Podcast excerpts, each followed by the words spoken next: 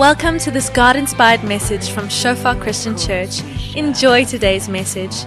May you experience the presence of our Father and may you grow deeper in your relationship with Him.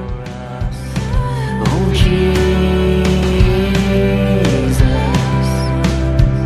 your love overruns. Welkom almal hier vanoggend. Dis lekker om hier so te kan wees by lekker verfrissende wintersoggend. En die woord met julle te kan deel. Vir die van julle wat my nie ken nie, my naam is Wian. Is een van die pastore hierso en is 'n voorreg om vanoggend bietjie met julle te kan gesels. Ons gaan aan met ons reeks in Kolossense en ons is nou bietjie so ver in dat ek nie dink ek gaan vanoggend vinnig probeer recap nie. Anders gaan ons twee preke in vanoggend hierso sit. Maar wat ek wel wil sê, soos julle sal agterkom, ons skuif so 'n bietjie die heaters vorentoe, um, want ons kyk eintlik hoe ons vir Elsabie bietjie voor in die kerk kan kry, selfs selfs so oggend betyds hierso. En dit werk. Kyk dit werk. So volgende Sondag sal ons dit nog so 'n bietjie vorentoe bring om te sien of ons hierdie voorste banke bietjie kan volmaak. Maar voordat ek te veel grappies maak, kom ek bid vir ons en dan spring ons in volgende. Ja Here, dankie vir u goedheid. Dankie vir u woord, Here. Dankie vir u teenwoordigheid. En dankie Here dat ver oggend maak nie saak wat ons agtergrond is, Here, waar ons vandaan kom. Hoe ons kerk beleef het, Here, nie beleef het nie. Wat ons idee is van mense wat saamkom en sit onder die woord. Mag vir 'n oomblik Here fokus op U. Net een vraag vra Vader, is dit wat ons hoor, is dit wat ons beleef? Is dit waar? Is dit die woord van God? En as dit is, Here, gee ons die genade om te buig en te belyn. Te sien Here enigiets in ons lewens wat nie belyn met U woord nie, Vader, te bring na U toe, Here. Ons kom bid vanoggend Here nie net vir ons optrede nie, Here, maar ook vir ons begeerte. Die goed waaraan ons dink, Here, dit wat ons be begeer, Vader, dit wat ons doen. Mag dit belyn met u woord, Here. Dankie Vader dat ons weet vanoggend, Here, dat u verwag nie van klomp mense om 'n lys goed te doen wat ons eintlik nie wil nie. Maar u kom, Here, en u kom verander alles. Deur die wonderlike werk van Jesus op die kruis. Deur die werk van die Gees binne in ons, Here. 'n Nuwe hart, Here, hart wat voel, hart wat liefhet. Oor wat weer kan sien, Here, ore wat weer kan hoor. En ek kom bid vir oggend Here, daar is soveel mense Here met 'n honger Here om U te ervaar. Wat hulle lewe lank al stories gehoor het. Van hoe 'n lewe saam met U kan lyk. Wat dit moontlik kan wees. En baie van ons oggend Here het die kennis, maar ken nie die realiteit nie. En volgende Here deur genade Here kom maak dit 'n realiteit in ons harte. Dankie Vader vir u perfekte wil. Dankie Jesus vir u perfekte werk. Dankie Heilige Gees vir u teenwoordigheid. In Jesus naam. Amen. ons gaan aan met ons reeks vanoggend. Ons titel vanoggend is die evangelie in gemeenskap. Die evangelie in gemeenskap. En ons gaan kyk na Kolossense 3 van vers 11 tot 17. En soos wat ons deur die boek werk het ons 'n paar goed gesien dat as ons die werklike evangelie werklik glo, hoe dit geloof, hoop en liefde produseer en dit toenemend. Dit hou aan om dit te doen. Daar's 'n konstante groei vir iemand wat werklik verstaan wie Jesus is en wat hy kom doen het. En so groei ons. En so ontvang ons vermaaning en onderrig van mekaar en so gee ons dit in liefde, ons is konstant besig om mekaar op te bou. Sodat ons geloof rus in die volmaakte werk van Jesus op die kruis. Ons het gesien ook hoe die evangelie lyk in lig van 'n klomp valse leerstellings wat ons geneig is om te glo. En hier van hoofstuk 3 af raak dit 'n bietjie prakties. Maar hoe lyk dit nou in gemeenskap? Spesifiek gemeenskap van gelowiges gaan ons vanoggend op fokus, maar gemeenskap nietemin. Enige gemeenskap is hier hoe die lewe lyk van iemand wat werklik weet wie Jesus is en wat hy kom doen het. Spesifiek in die gemeenskap van gelowiges, maar in enige gemeenskap. En so gaan ons dan ook in die volgende paar weke kyk hoe lyk dit by die huis, hoe lyk dit by die werk en hoe lyk dit in die wêreld in geheel. En ons het laasweek gekyk na bedink en soek die dinge wat daarbo is. Soek en bedink die dinge wat daarbo is. En ons het gesien dat die dinge wat daarbo is, is Jesus, is die Vader. Is verhouding met hom, is die heerlikheid wat op ons wag. En soos wat ons gekonfronteer is met hierdie realiteit van ons wat die sondige mens moet aflê, is dit die goed wat ons veronderstel is om te soek. En die rede hoekom ons verkeerd lewe, gelewe het, baie keer nou nog steeds doen, is omdat ons verkeerd begeer en verkeerd aanbid. Maar dit wat ons begeer, dit wat ons aanbid, gaan ons lewe vorm. En Skrif sê vir ons: lig jou gedagtes. Soek Jesus, begeer Jesus. Soek die Vader, begeer die Vader en begeer die heerlikheid wat gaan kom. Soos dit ons gekonfronteer is met sonde in ons sonde om ons, Jesus kom terug. Here ons verlang na U. Maar soek en bedink die dinge daarbo, soos dit ons die ou mens neerlê. En vandag gaan ons nou kyk na die ander kant van die muntstuk om dit so te stel. Soos wat daar 'n ou mens is wat ons moet neerlê, soos daar 'n nuwe mens wat ons moet optel. En soos wat ons gesien het, is Jesus het hierdie moontlik gemaak.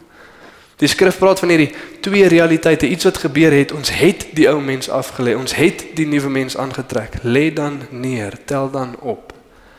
Met ander woorde, dis moontlik in Jesus. Soos ons hom ontvang het, wandel dan so lewe in hierdie nuwe realiteit. En vandag gaan ons kyk nou na die goeie eienskappe van wat skrif wil hê ons moet optel as gelowiges. Spesifiek karakter. En die vraag wat ek vanoggend vir ons wil vra is: hoe benader ons groei in karakter? Hoe benader ons dit? As jy na die areas in jou lewe kyk waar jy sien daar's 'n bietjie tekortkominge, nederigheid, geduld, lankmoedigheid, genade met die mense om jou. Hoe groei mense in dit? Hoe gaan ons nou hierdie laat gebeur? En party van ons dink dalk terug aan die preek wat ons gehad het oor die einde van hoofstuk 1 en die begin van hoofstuk 2, volwassenheid in Christus. En dis nie dis om onderrig en vermaaning te ontvang. Dis om toe te laat dat die mense om my leer wat ek nie weet nie en my teregwys daar waar my lewe uitlynheid is. Maar dit vereis karakter. sien want ons het gesê die nederige mens ontvang dit. En die mens wat liefde het, gee dit. Maar as die nederigheid nie daar is nie, dan gaan ons dit nie ontvang nie. En ons kan hulle baie kere dink waar iemand iemand probeer reg leer, waar iemand iemand probeer reg help, maar dit werk nie want die persoon is nie nederig genoeg om dit te ontvang nie. En almal van ons was al daai persoon. En is miskien vanoggend Amen. Ongemaklik, maar realiteit nie te min. So die bediening is wat ons toelaat om te groei, maar die karakter is nodig om die bediening te ontvang. So hoe groei ons in dit? 'n Interessante vraag nie. Want weer eens wil ons baie keer wilskrag toepas. Ek gaan nou meer geduldig wees. Ek ek het nou besluit, kyk, check môre. En mens ek wens dit was so maklik. Ek gaan nou besluit om meer liefdevol te wees. Ek gaan besluit om meer nederig te wees. En dan benader ons dit nog verkeerd ook. So een persoon sê nederigheid is nie om minder van jouself te dink nie, dis om minder aan jouself te dink. Maar ek gaan net ewesklik op aan myself dink. Dan word ons selfsugtigheid is. Hoe benader ons dit? Hoe gaan ons groei in karakter? Wat het ons nodig? So in lig van dit, kom ons lees bietjie En kyk wat ons kan leer uit hierdie stuk skrif. Kolossense 3 van vers 1 tot 17. Waar daar nie Griek en Jood, besnede onbesnede, barbaar, skit, slaaf, vryman is nie, maar Christus is alles en in almal. Beklee julle dan as uitverkorenes van God, heiliges en geliefdes met innerlike ontferming, goedertierendheid, nederigheid, sagmoedigheid, lankmoedigheid. Verdra mekaar en vergewe mekaar As die een teen die ander 'n klag het, soos Christus julle vergewe het, so moet julle ook doen. En bekleë julle bo dit alles met die liefde wat die band van die volmaaktheid is. En laat die vrede van God, waant julle ook in een liggaam geroep is, in julle harte heers en wees dankbaar. Laat die woord van Christus ryklik in julle woon in alle wysheid. Leer en vermaan mekaar met psalms en lofsange en geestelike liedere en sing in julle harte met dankbaarheid tot eer van die Here. En wat julle ook al doen in woord of in daad, doen alles in die naam van die Here Jesus en dank God die Vader deur hom. Dis 'n mooi stuk skrif. En ek weet ek sê dit altyd, maar hierdie is spesiaal mooi. Soos wat die een nou sê, mense is nie veronderstel om gunstelinge dele van skrif te hê nie, maar hierdie is myne. Dis 'n mooi prentjie van wat gemeenskap veronderstel is om te wees. Dat 'n groep mense bymekaar kom wat weet wie Jesus is, wat besef wat Jesus vir ons gedoen het. Wonderlike waarheid. En net vinnig hier vers 17, soos wat ons deur hierdie stuk skrif lees, is dit besig om dieselfde ding te adresseer. Ons sien 'n paar keer die woordjie en. Vers 12 sê bekleë julle. Vers 14 sê en bekleë julle. Vers 15 sê en laat die vrede van God in julle woon en dan vers 17 en wat julle ook al doen in woord of daad. Doen dit in die naam van die Here Jesus Christus. Hierdie woordjie en las parallelle stellings bymekaar. Wanneer ook al ons dit sien, sien ons hierdie goed gaan saam. Gaan en maak disippels. So moenie net 'n weet 'n mens noem dit self 'n scenery. Moenie 'n scenery wees nie. 'n Scenery is mense wat net iewers heen gaan om verskillende lande te gaan sien. Wees 'n missionary. Soos wat jy na ander lande toe gaan, gaan vertel jy mense ten minste van die evangelie terwyl jy daar is. Hierdie goed gaan saam. Gaan en maak disippels en leer hulle alles wat ek julle geleer het en doop hulle. Dit werk saam. Selfde hierso. En dit praat hierso van 'n nuwe identiteit in Jesus. Weereens soos wat hoofstuk 2 vers 6 gesê het, soos wat ons Christus aangeneem het, kom ons wandel so in hom. Kom ons loop in hierdie realiteit. Kom ons trek hierdie identiteit aan. Kom ons lewe soos mense wat glo dat Jesus Christus werklik koning is. Kom ons leef in hierdie nuwe realiteit. En ek wil net vinnig voordat ons vers vir vers deur om werk, net vinnig ietsie noem hier so in vers 17. Dit sê en wat julle ook al doen in woord of in daad, doen alles in die naam van die Here Jesus. En dank God die Vader deur hom. Wat beteken dit om iets in die naam van Jesus te doen? Jy weet seker een van die goedjies wat ek nie opgelet het voordat ons begin het nie, maar wat ek nogal baie van hou soos wat ons deur Kolossense werk. Is baie van hierdie Christelike terme wat ons gereeld gebruik, maar wat ons min verstaan, word 'n bietjie ingekleer deur hierdie boek. Ons het gesien van Christus in ons, die hoop op die heerlikheid, iets waarvan ons hou om te sê as Christene, maar wat beteken dit? Ons het daarna gekyk. Soek en bedink die dinge wat daarbo is. Wat beteken dit? Ons het laasweek bietjie daarna gekyk. Maar nou om iets in die naam van Jesus te doen, wat beteken dit? Hoe lyk dit? Hoe werk dit? Ons sien dit in twee ander plekke ook. Ons moet mense doop in die naam van die Vader, Seun en Heilige Gees. En as ons bid, dan bid ons in die naam van Jesus. Wat beteken dit? Want baie keer kan ons ook geneig wees om hierso 'n bietjie mistiek by te voeg tot Christendom. Mistiek is mos weet ietsie van 'n ervaring of 'n hoër kennis of een of ander vreemde idee of geestelike krag soos wat um, ons gesien het in hoofstuk 2. Kan ons nou hierso 'n bietjie toevoeg tot ons Christendom? Jy weet en snaaks genoeg die Afrikaner so logies soos wat ons baie keer wil wees en so groot klem soos wat ons plaas op kennis en ons wat baie slim is en allerlei goedjies weet veral in die westerse wêreld. So is ons ook nog geneig na forme van mistiek. Interessant. Ek en Marie gesels in die week oor ons ervaring ook toe ons jonger was. Spesifieke kerke het 'n spesifieke nagmaaldiens. Ek weet nie wie van julle dit onthou of selfs nou nog van weet nie. Maar as dienste wat gehou word, maar dan so 'n nagmaaldiens. En snaaks genoeg as dit nou nagmaaldiens is, selfs as kind onthou jy dat dit was 'n bietjie moeiliker om parkering te kry as 'n gewone diens. Hoekom? Want ons dink daar's een of ander geestelike realiteit of krag of iets wat gaan gebeur as ons die nagmaal gebruik. En daar's nie krag fisies in die nagmaal nie, soos 'n rooms-katolieke idee, dis waantoe dit wys. Dit wys na die realiteit van wat Jesus vir ons kom doen het en die krag lê daarin. En as ons werklik verstaan wat dit beteken en werklik dit onthou as ons dit gebruik, dan is die volgende Sondag is dit nie nagmaaldiens is nie, ook daar.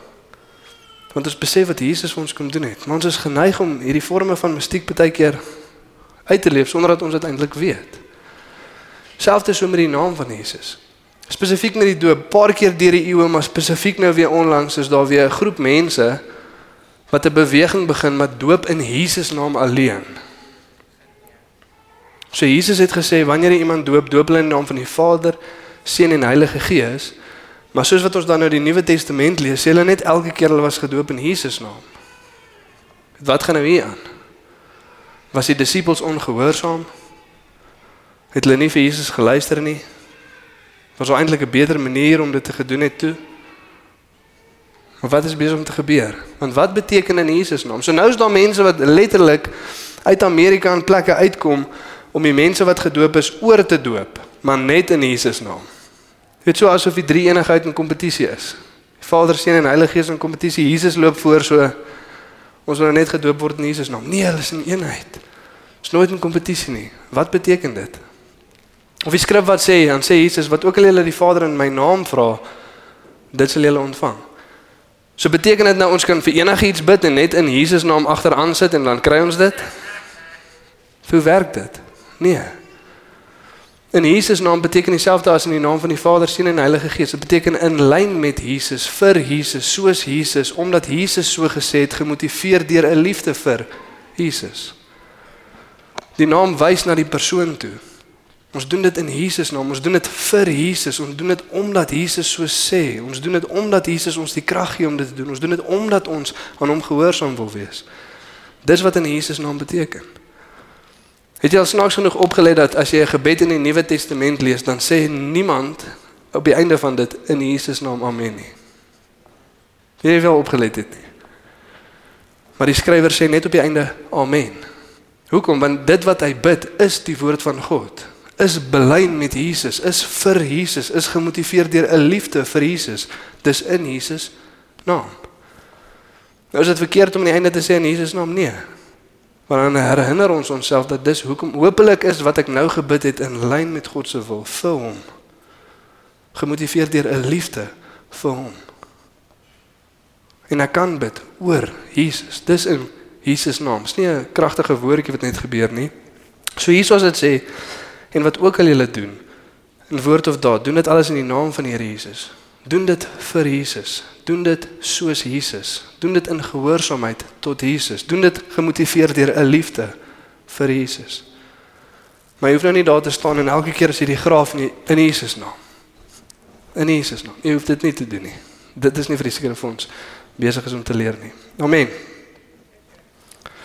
Kyk, kom ons kyk na vers 1 en werk weer lekker deur na vers 17 toe. Dit sê in vers 11 word daar nie Griek en Jood besnede onbesnede barbaarskheid slaaf vryman is nie maar Christus is alles en in almal bekleë julle dan as uitverkorenes van God heiliges en geliefdes met innerlike ontferming goedertierendheid nederigheid sagmoedigheid lankmoedigheid en die vraag is hoekom lys Paulus hierdie goedjies in vers 11 Want elke keer as hy praat van iets wat nie is nie, hier's daar nie. Dan praat hy van 'n negatiewe ding. In vers 5 het hy 'n uh, stel goed gelys wat hy sê wat afgodsdiens is. Seksuele immoraliteit, gierigheid. Al daai goed is is afgodsdiens. Ons begeer en aanbid verkeerd. Dan lys hy 'n klomp goed, woede, toorn, laster, vuil taal, moenie vir mekaar lieg nie. Al hierdie goed is verkeerd, ons moet dit neerlê. En hieso sê hy nie en nou praat hy van ras, klas en 'n vlak van onderrig. Hoekom lys hy dit? Want sien die hele stuk skrif praat van om ons identiteit in iets anders te vind. Wat ons werklik begeer en aanbid, ons vind ons identiteit in dit. Ons dink daar's lewe daar. Ons dink daar's vrede daar, daar's vreugde daar, daar's volheid daar. Dis hoekom ek dit wil hê, dis hoekom ek dit begeer. Vir die van ons wat besittings of geld aanbid, dis hoekom. Ek koppel my identiteit aan dit. Al daai snaakse goed waarvan Paulus gepraat het, woede, toorn, gierigheid, laster, al daai goed begin in my lewe manifesteer as daai ding wat ek aanbid nie meer lyk soos wat ek wil hê dit moet lyk nie. Raak ek ongeduldig raak ek kwaad. Raak ek woedend. As iemand anders dit kry dan begeer ek dit. Daar's 'n boosheid in my. Ek wil nie goed hê vir die mense om my nie want ek dink ek kort dit eintlik. En Paulus sê dat ons is geneig om ook ons identiteit te vind in hierdie goed. Ons vind dit in ras of klas of 'n mate van onderrig. En jy sien hoe nader dit is aan die kern van wie ons is, hoe hoe groter mate van ons identiteit ons daarin koppel, hoe moeiliker is dit om dit uit te haal. En Paulus sê dit gebeur nie van self nie. Dit onthou korrek nie die oomblik as jy in die evangelie glo nie. Ja, deur genade kom God en hy doen 'n groot werk. Maar party van die goed moet ons neerlê. En party van die goed moet ons optel. Nie op ons eie nie, maar deur die krag wat God voorsien. Christus in ons, die hoop op die heerlikheid. Hy stel ons in staat om dit te doen. Maar ons moet dit doen. En Paulus sê ons moet die evangelie afdruk. Wie Jesus is, wat hy kom doen, het diep diep diep tot dit by die kern van wie ons is uitkom sodat ons hele identiteit op dit gegrond is, sodat alles in ons lewe kan verander. Die ding wat die meeste goed in jou lewe bepaal, is die ding wat die naaste is in die kern van jou identiteit. Die ding wat die meeste goed in jou lewe bepaal, is die ding wat die naaste is in die kern van jou identiteit. Ons kan dit baie keer sien in ons kinders ook. Ons gaan 'n bietjie daarna kyk as ons kyk oor ouerskap waarvan die boek van Kolossense ook praat. Ons kan dit maklik sien in ons kinders waarmee hulle besig is, hoe hulle aantrek, wat hulle doen, want ons leer hulle hierdie goed's belangrik. Dis waar die lewe gaan. Jy gaan lewe daar kry, jy gaan vreugde daar kry want jy's dis al wat mamma en pappa soek die meeste van die tyd. Konfronterend, maar realiteit nie te min. En hoe dieper dit is, hoe moeiliker is dit om dit uit te kry. En Paulus sê druk die evangelie af totdat dit daaronder is. En in die wêreld sien ons dit. Mense koppel 'n groot deel van hulle identiteit aan ras, klas of onderrig. Ons doen dit nog steeds in die kerk ook. Weet jy hoe baie keer praat ek met Christene in 'n gesprek en as hier waar ons onsself baie keer bietjie weggee. Dit wat ons sê openbaar wie ons is uit die hart. Wat by die mond uitkom, né? Nee? Ons dra nie ons hart op ons skouer nie, ons dra dit op ons lippe. As ons lank genoeg na mekaar luister en weet ons wat in die hart aangaan. Maar baie keer dan praat ek met Christene en wanneer hulle verwys na ons, verwys hulle nie na die wat gered is en die wat ongered is nie. Hulle verwys na een van hierdie goeters in vers 11. Hulle verwys na ras of klas of onderrig. Bedoelende dat dit is meer kern aan my identiteit as Christendom. Dit vorm 'n groter deel van wie ek is as wie Jesus is en wat hy vir my kom doen het. My redding staan na dit. Hierdie kom eerste. Hier is belangriker vir my. Ongelukkig, maar nog steeds 'n waarheid. En baie keer as ons sê val as dit kom by die rasse ding veral in Suid-Afrika, dis nie veral in Suid-Afrika nie, dis oral. Hoekom? Want sonde is oral. En sonde verdraai en sonde breek verhoudinge af en sonde bring divisie waar die evangelie eenheid bring. Dis reg oor die wêreld, dis oral so. Nou moet ons nie sien en besef wat eintlik ons identiteit vorm nie. Vers 11 sê ons word ag vers 10 sê ons word vernuwe na die beeld van ons Skepper. Ons Skepper. By hom is daar nie Griek of Jood, besnede onbesnede, barbaars kind, slaaf, vry man nie. Almal is in Christus. Christus is alles en almal. Met ander woorde, almal is gemaak in die beeld van God. En hier is hoe die mense besef, spesifiek as jy 'n probleem het met mense van 'n ander ras of klas of wat ook al die geval mag wees, dat almal is geskep en gemaak in die beeld van God. As ons 'n probleem met iemand het, gebaseer op hulle ras of hulle geslag, is ons op gevaarlike grond. Hoekom? Dis 'n heilige ding. God alleen bepaal dit. God het daai persoon so gemaak en as jy 'n probleem het met dit, het jy 'n probleem met hoe God homself iemand gemaak het wees baie versigtig. Dis hoe die koninkryk van duisternis werk, sê die boek van Kolossense vir ons. Ons lewe nie so nie, ons dink nie so nie, ons deel nie mense so op nie. Die Bybel doen nie. Dis die wat aan God glo en aan God gehoorsaam is en die res. En ons hart teenoor hulle is liefde sodat hulle dieselfde kan doen. Amen. Maar wees baie gevaarlik om jouself te verhef. Party mense dink, jy weet omdat hulle meer moreel was as ander het hulle self 'n sekere klere ingekleer of iets. Ek weet nie. Maar dis nie hoe dit werk nie. God het ons gemaak. En hier moet ons dit besef. Hy is alles en in almal. En hierso moet ons besef in vers 12 die evangelie want dis weer eens wat hierdie kom regmaak. As ons die evangelie reg verstaan. En ons sien dit hier so mooi in vers 12. Dit sê beklee julle dan as. Onder die eerste vers het gesê as ons dan saam met Christus opgewek is. Met ander woorde as 'n geredde persoon, as die evangelie waar is, as jy werklik die evangelie glo, doen die volgende. En hierdie stuk skrif sê dieselfde. As bekleë julle dan as uitverkorenes van God, heiliges en geliefdes. Daai is die evangelie. Wat sê dit? Dit sê God het ons gekies, ons het hom nie gekies nie. Ons het nie onsself heilig gemaak nie, maar in Jesus Christus het God ons heilig gemaak omdat hy ons liefhet. Dis die evangelie. Is dit nie wonderlike drie woorde daai nie? As mense wie God gekies het, as mense wie God heilig kom maak het deur liefde in Jesus, doen die volgende. Maar ons het nie God gekies onsself heilig gemaak en daarom het hy ons lief nie. Dis nie die evangelie nie. Ons het nie God self gekies nie. Ons het nie onsself heilig gemaak en nou het God ons lief nie. Nee, God het ons gekies en Jesus het hy ons heilig gemaak.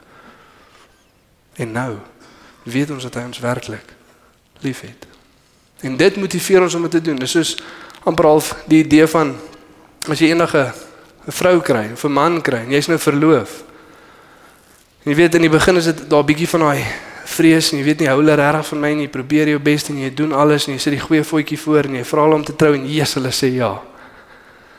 En nou gaan trou jy. En nou is jy getroud. En wat doen mense dan? Dan sê jy soos ag Jesus, dankie. Genade, hierdie is nou uiteindelik verby. Ek hoef nou nie meer blomme te koop nie. Ek hoef nou nie meer dankie te sê nie. Ek hoef nou nie meer enigiets te doen. Nee. Dis nie hoe liefde werk nie. As ons besef wat Jesus vir ons kom doen het, dan lei dit na 'n sekere lewe toe. Dis ware liefde. En die skrif sê as ons dit verstaan, dan gebeur iets in ons. Hoe weet ons of ons dit regtig verstaan? Hoe weet ons of ons hierdie wonderlike waarheid van die evangelie regtig begryp? Nie net die kennis het nie, maar die realiteit daarvan verstaan. Want soos ek sê, in ons tradisionele Christen kultuur dra baie mense die kennis. Ons het al die storie gehoor, maar het ons al die realiteit ervaar? Het ons ons geloof daarin gesit. En hoe sal ons weet as ons het? Ons sal weet as ons het, as dit die volgende produseer, geloof, hoop en liefde. En dit lyk na die volgende, soos ons gesê het in hierdie stuk skrif. Innerlike ontferming, goedertierendheid, nederigheid, sagmoedigheid en lankmoedigheid. En dan in vers 14 kom liefde ook by. So wat sê in 1 Petrus 1 vers 22, nadat jy deur gehoorsaamheid aan die waarheid julle geeste gereinig het na onverfynste broederlike liefde, hê mekaar vurig lief met 'n rein hart. Nou wonder mens, hoekom produseer die evangelie dit? Ek weet nie of jy al ooit dit gewonder het nie. Die skrif praat van klomp goed wat moet gebeur as ons God volg, as ons hom liefhet, sal ons mense lief hê.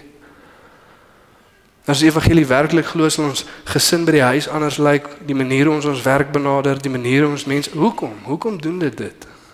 Hoekom produseer die evangelie hierdie goed? Baie belangrike vraag om te vra. Anders te benader ons dit weer verkeerd. Anders te sien ons weer, okay, ek glo in Jesus en dit sê ek moet die volgende dan doen. So kom ek probeer nou hard om dit te doen. As ek dit nie sien in my lewe nie. Nee, vra die vraag, hoekom? Hoekom produseer dit dit? Hoe produseer dit dit? En die maklike antwoord vir hoekom is dat die evangelie en geloof in Jesus kom herstel mense weer na wat ons veronderstel is om te wees. En hierdie is wat mense veronderstel is om te wees. Ons is veronderstel om lief te wees vir mekaar. Ons is nie veronderstel om selfsugtig te wees nie. Ons is veronderstel om aan ander te dink. Hoekom? Want ons is in die beeld van God geskape. Vir die wat Bybelskool doen, toe ons gekyk het na God die Vader, So hy het mooi opsom en kan ek weet nie onthou wie dit gesê nie. Maar dit sê God is self-giving, other regarding, community forming love. Self-giving, God gee altyd van homself. Hy kort niks, hy is. Hy gee van homself. Other regarding, hy neem altyd die ander in ag. Gemeenskap vorm. God vorm gemeenskap want hy homself is gemeenskap. Vader, Seun en Heilige Gees. Liefde. En ons is geskaap in die beeld van God. Ons is ook veronderstel om self te gee, ander in ag te neem, gemeenskap te vorm en mekaar so lief te hê. Ons lees dit in die skrif, hierdie gesindheid wat ons is in Christus. Nie aan homself gedink het nie, maar aan ander. Sodat herstel ons weer na wat ons veronderstel is om te wees, maar hoe doen dit dit? Dit doen dit deur hierdie realiteit waar te maak in ons lewe. Kom ons kyk wat gebeur as ons sê, hoe sal die lewe van iemand lyk wat besef God het hom gekies? Hy het nie God gekies nie, hy het niks bygedra nie, hy's gered uit genade alleen. Hy het nie 'n werk gedoen nie. God het hom in Jesus kom heilig maak. Hy het nie homself heilig gemaak nie. omdat God hom liefhet. Hy het nie 'n oulike toertjie gedoen en toe het God hom lief nie. Nee. Oor die liefde van God is hy uitverkies en gered. En heilig gemaak in Jesus. Hoe lyk die lewe van iemand wat dit werklik verstaan? Kom ons vat innerlike ontferming. Die Engels sê compassionate hearts. Om meegevoel te hê met die mense om jou. As ek dink ek het God gekies Ek het myself heilig gemaak. Ek het die wet gehoorsaam en daarom het God my lief. En daarom gaan dit nou goed met my en al hierdie seënings in my lewe. Wat is my hart teenoor iemand waarmee dit nie goed gaan nie, wat sukkel met sonde, wat deur 'n moeilike tyd gaan? Wat is my reaksie? Dis nie innige meegevoel nie. Dis hy ou maat, kom kom kom, staan op. As ek myself kon regkry, dan kan jy seker ook. Wat besef die persoon wat weet as dit nie vir God se genade nie, waar sou ek wees? Meegevoel. Here, eerstens dankie Vader vir u genade teenoor my en ek bid Vader, mag u genadig wees teenoor die persoon ook. Want ek weet ek het myself nie gesit waar ek nou is nie. Dis nie as gevolg van my wyse besluite en my oulike goedjies waar ek nou is waar ek is nie. Nee, die genade van God alleen. Dis hoekom ek nou daar so is. Goedertierendheid teenstrydig met vers 7 wat gepraat het van wat? Boosheid. Om afgunstig te wees teenoor die mense om ons, om sleg te wil hê teenoor die mense om ons of ten minste nie bly te wees as dit goed gaan met ander nie, om onsself nie te verbly as iemand anders iets kry nie. Hoekom? Want die persoon wat dink hy het God gekies en hy het hard gewerk en daarom het God hom lief, vra vir God, maar waar's myne dan? Ek seker ek het harder gewerk as daai persoon. Nou gee u vir hom iets goeds, nou waar's myne dan? Ek kan nie bly wees aan daai persoon nie want waar's myne dan? Ek het dan my deel gedoen. Maar goedertierendheid om goed te wil hê vir die mense om ons besef dis uit genade alleen. En as ek nie ontvang nie en iemand anders ontvang dit dan sê ek bly saam met hom en ek dank God die Vader want is uit genade alleen. Nederigheid. Selfde ding. Wat is die mooiste skrif in Deuteronomium 8 waar die waar die Here vir die Israeliete verduidelik wat gaan gebeur as hulle in die land ingaan. Wat sê dit van vers 11 af? Moenie die Here julle God vergeet nie. Ek het julle in die woestyn gelei, ek het julle met manna gevoer, hoekom? Om julle nederig te maak, om te besef julle voorsiening kom van my af. Maar nou gaan julle in die beloofde land in en julle gaan self plant en self oes en self julle vrugte gaan haal en al daai oulike dinge. Moet nie my dan vergeet nie. Dan sê vers 17 want net nou dink jy in jou hart met my krag en my wysheid het ek hierdie rykdom bekom. Vers 18 nee, dink aan die Here want dit is hy wat jou die krag gee om rykdom te bekom. Besef, dis God wat dit doen.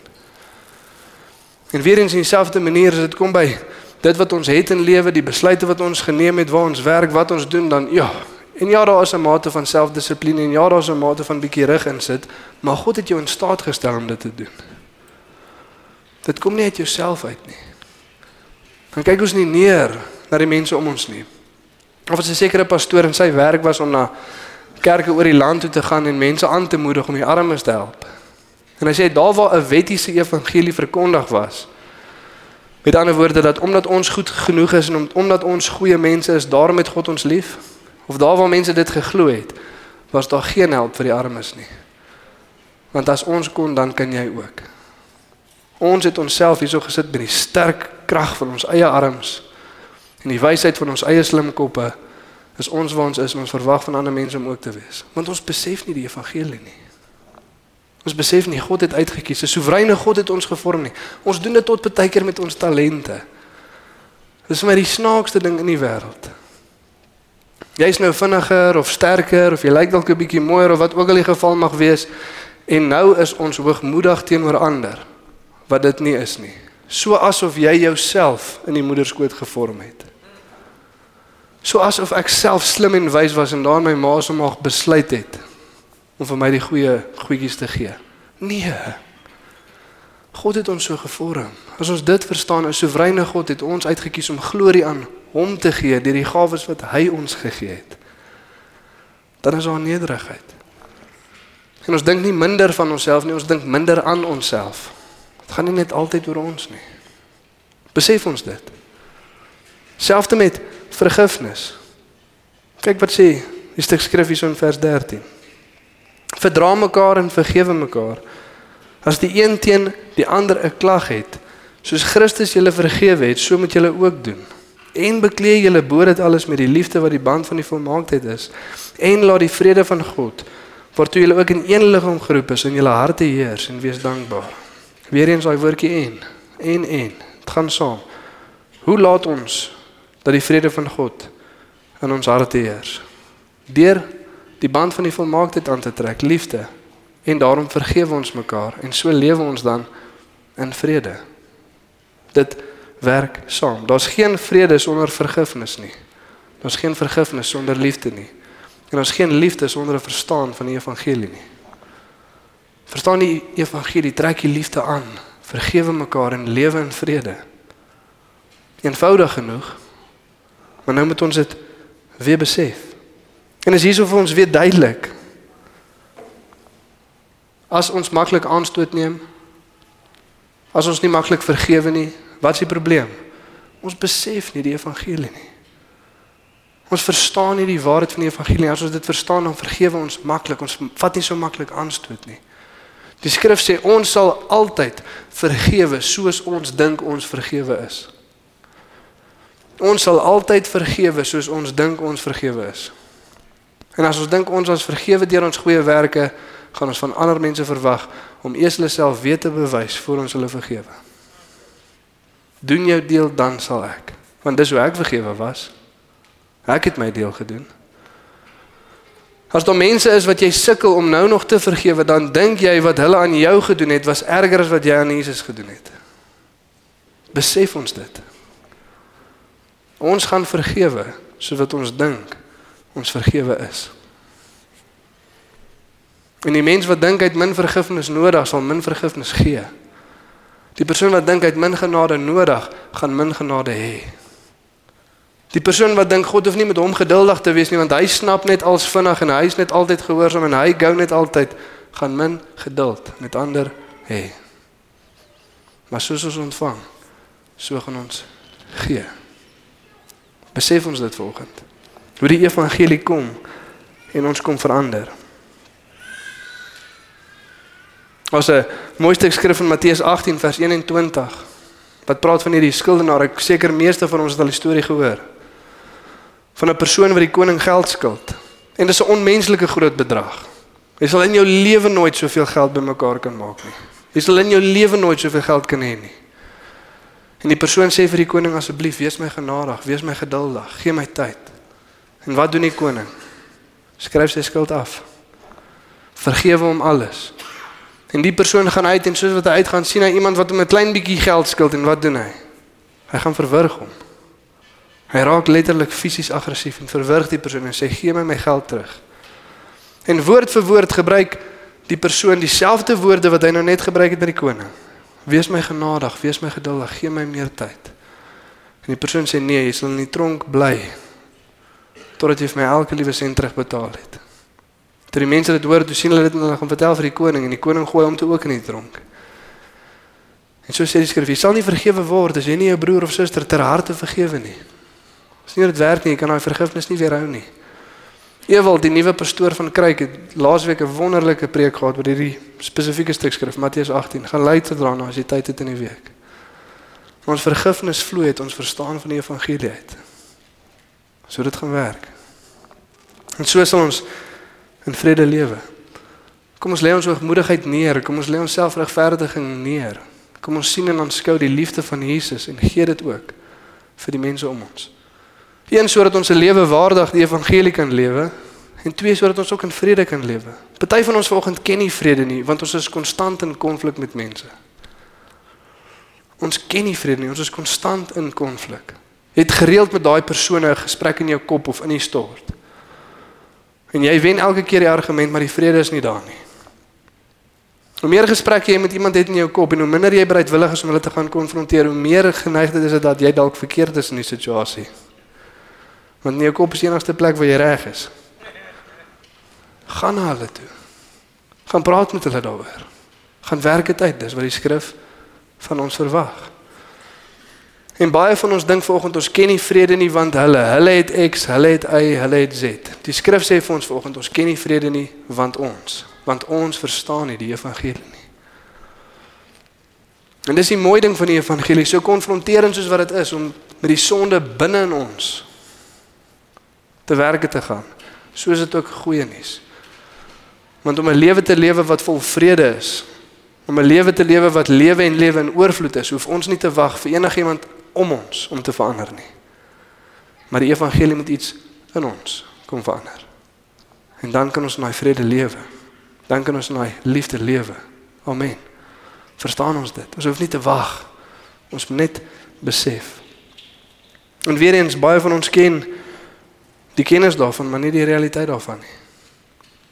En hoe kry ons dit? Nader tot God, bedink en soek die dinge wat daar bo is, nader tot Jesus, nader tot die Vader.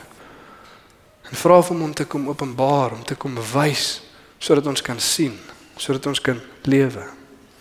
En kyk hoe lyk die prentjie van gemeenskap wat hierdie verstaan. Vers 16 en 17, so so mooi.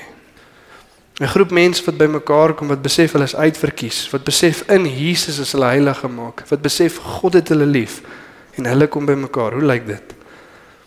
Vers 16 en 17. Laat die woord van Christus ryklik in julle woon in alle wysheid. Leer en vermaan mekaar met psalms en lofsange en geestelike liedere. En sing in julle harte met dankbaarheid tot eer van die Here en wat julle ook al doen in woord of in daad, doen alles in die naam van die Here Jesus en dank God die Vader deur hom. Is dit nie mooi nie? Laat die woord van Christus ryklik in julle woon in alle wysheid. Hoekom? Want dit gaan alles nou oor hom en ons soek en bedink die dinge wat daar bo is saam met hom. Hoe gaan ons weet as die woord van God ryklik in ons woon? Hoekom? Want dis een van die maniere hoe ons tot God nader. Dis een van die maniere hoe ons die dinge daarbo soek. Dis een dis een manier hoe ons die dinge daarbo bedink. Is tyd in die woord. As jy sê jy sal jare lank 'n Christen, maar die woord van God woon nog steeds nie ryklik binne in jou nie, is dit omdat jy nie dit regtig soek en bedink nie. Dis 'n realiteit. Ons word daarvoor gekonfronteer word. Dit vanoggend nou lag ek en Robin lekker. Met twee seentjies sit daar so op die bank en hulle kyk 'n storie en een van hulle twee so elke nou en dan dan skree hy net. Maak hy geluid maar so funny geluid. En later is ek so Jesus, ek wonder wat maak jy? Want hy vang my so nou en dan onkant. Hy het nog op 'n tydjie so skril giltjie ook. Hy steek so. En ek vra vir my seentjie, "Hoekom doen jy dit?" Hy sê, "Ja, want ek wil." Nou lag ek en Robin sê ons leer dit vir die mense, maar ons besef dit nog steeds nie. Hoekom doen ons goed? Ja, want ons wil. Ons wil. Hoekom lees ons die woord? Want ons wil. Hoekom bid ons? Want ons wil. Hoekom gaan ons kerk toe? Want ons wil. Hoekom lees ons nie die Bybel nie? Want ons wil nie. Hoekom bid ons nie? Want ons wil nie. Hoekom is ons nie gereeld saam in die gemeenskap van gelowiges nie? Want ons wil nie. Of as ons wil, wil ons ten minste iets anders meer. Ek wil meer graag weet wat op hy nuwe seepie aangaan as wat ek wil weet wat in die skrif aangaan. Ja, daar is dalk iets binne in my wat dit wil lees, maar meer so wil ek weet wat nou op die TV gebeur. Realiteit om mee gekonfronteer te word. Hoe verander dit? Besef dat God het jou uitgekies. Besef dat in Jesus is jy heilig gemaak. Besef dat God het jou lief. Dis hoe. En dan soek en begeer jy die goed wat daar bo is. Dis waar lewe is. En dan woon die woord van God ryklik in jou, want dis wat jy soek. Amen. Leer en vermaan mekaar. En nou kan ons mekaar leer en vermaan sonder aanstoot. Hoekom? Want daar's nederigheid en daar's liefde.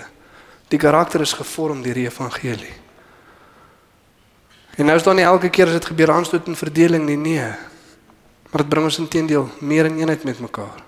Sodat ons in liefde en nederigheid mekaar leer en mekaar vermaan. In psalms en lofsange geestelike liedere sing in ons harte met dankbaarheid tot eer van die Here. Hoekom? Want alles gaan oor hom. Dis nie oor my en my agenda nie, dis nie saam met my en my verdeling in die kerk sodat ons daai mense kan wys dat ons eintlik slimmer is of beter is of reg is nie. Nee, alles gaan oor Jesus. Hoekom? Want ons eenheid. Daar's vrede in ons harte want ons besef wat die evangelie is. Besef ons dit vanoggend. Hoe mooi is dit nie? En wat ook al ons doen in woord of in daad, of ek 'n pa is, of ek 'n man is, of ek 'n vrou is, of ek 'n mamma is, of ek 'n werkgewer, werknemer, buurman, buurvrou, en alles wat ek dan doen, doen ek in die naam van die Here Jesus en dank God die Vader deur om ek doen dit vir Jesus, soos Jesus, in gehoorsaamheid tot Jesus, gemotiveer deur liefde vir Jesus, want ek weet wie hy is en ek weet wat hy vir my kom doen het. Is dit nie mooi nie? Kom ons staan vanoggend. Dan bid ons saam.